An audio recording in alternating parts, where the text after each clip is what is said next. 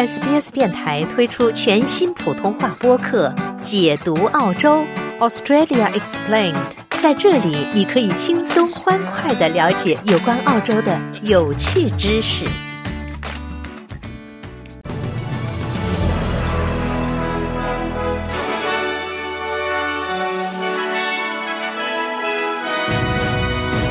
一项加沙停火协议与法国巴黎进行谈判。四位西方领导人与乌克兰签署安全协议。维多利亚州西部山火烧毁至少三座房屋。新州警方扣押涉及死亡案件的可疑车辆。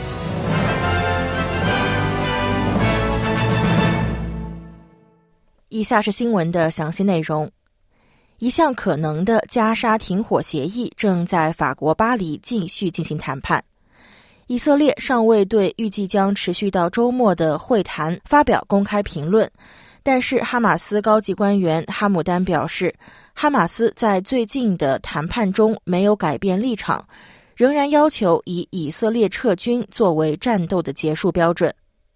多方正在加紧努力确保加沙停火，以避免以色列对拉法市发动地面进攻。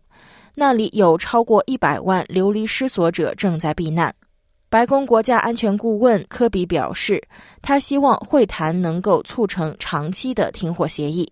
We continue to work at this very, very hard. Uh, we believe that the discussions and negotiations to date have been constructive. Obviously, they have not. 我们将继续努力工作。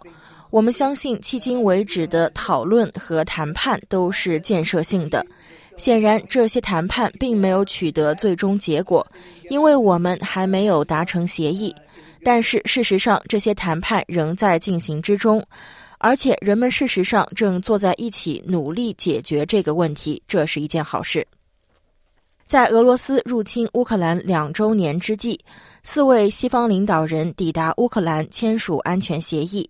意大利、加拿大、比利时和欧盟委员会的领导人连夜乘坐列车从波兰抵达基辅。欧盟委员会主席冯德莱恩表示，欧盟委员会在财政、经济、军事和道义上坚定地支持乌克兰。乌克兰议员瓦西连科对 SBS 表示，随着战争进入新的一年，这些协议将变得非常重要。We need more weapons coming into Ukraine at a much faster, steady pace. We need those ammunitions on the ground. We need the technology. 我们需要更多武器，以更快、更稳定的速度进入乌克兰。我们需要地面弹药，我们需要技术，需要技术的各种要素。我们需要战斗机，我们需要适当的训练，我们需要所有这一切，以便能够持续不断地向俄罗斯反击。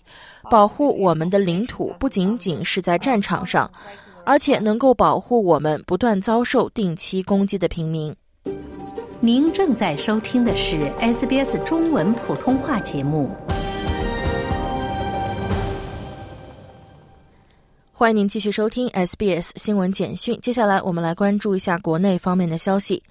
维多利亚州西部的一场山火因天气转凉而得以缓解。但是，消防人员提醒居民保持警惕。这场山火目前已经烧毁了近一万六千公顷的土地，并烧毁了至少三座房屋。维州州长艾伦与地方当局一起从空中勘察了一些受山火影响的地区城镇。他敦促当地居民继续提高风险意识。新州警方扣押了一辆车辆，他们认为该车辆与一名男子有关。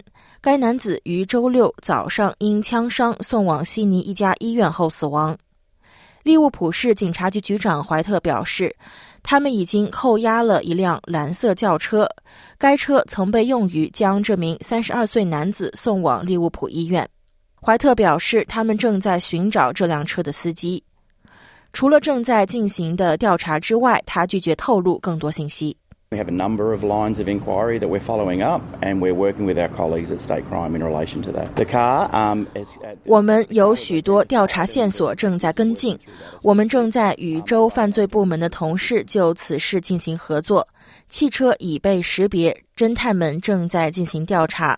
我现在不会谈论太多细节。来关注一下国际货币市场，截止到澳大利亚东部夏令时早上的六点五十五分。在国际货币市场上，一澳元可以兑换零点六五六美元、四点七二零人民币、五点一三二港币以及二十点七五三新台币。在新闻节目最后，再来看一下全国各主要城市今天的天气情况。悉尼多云见晴，最高温度二十七度；墨尔本晴，最高温度三十度；布里斯班阵雨，最高温度二十八度；堪培拉多云见晴，最高温度二十九度；阿德莱德晴间多云，最高温度三十度；珀斯时有阵雨，最高温度三十度；达尔文阵雨可能有暴风雨，最高温度三十三度；霍巴特多云，最高温度二十四度。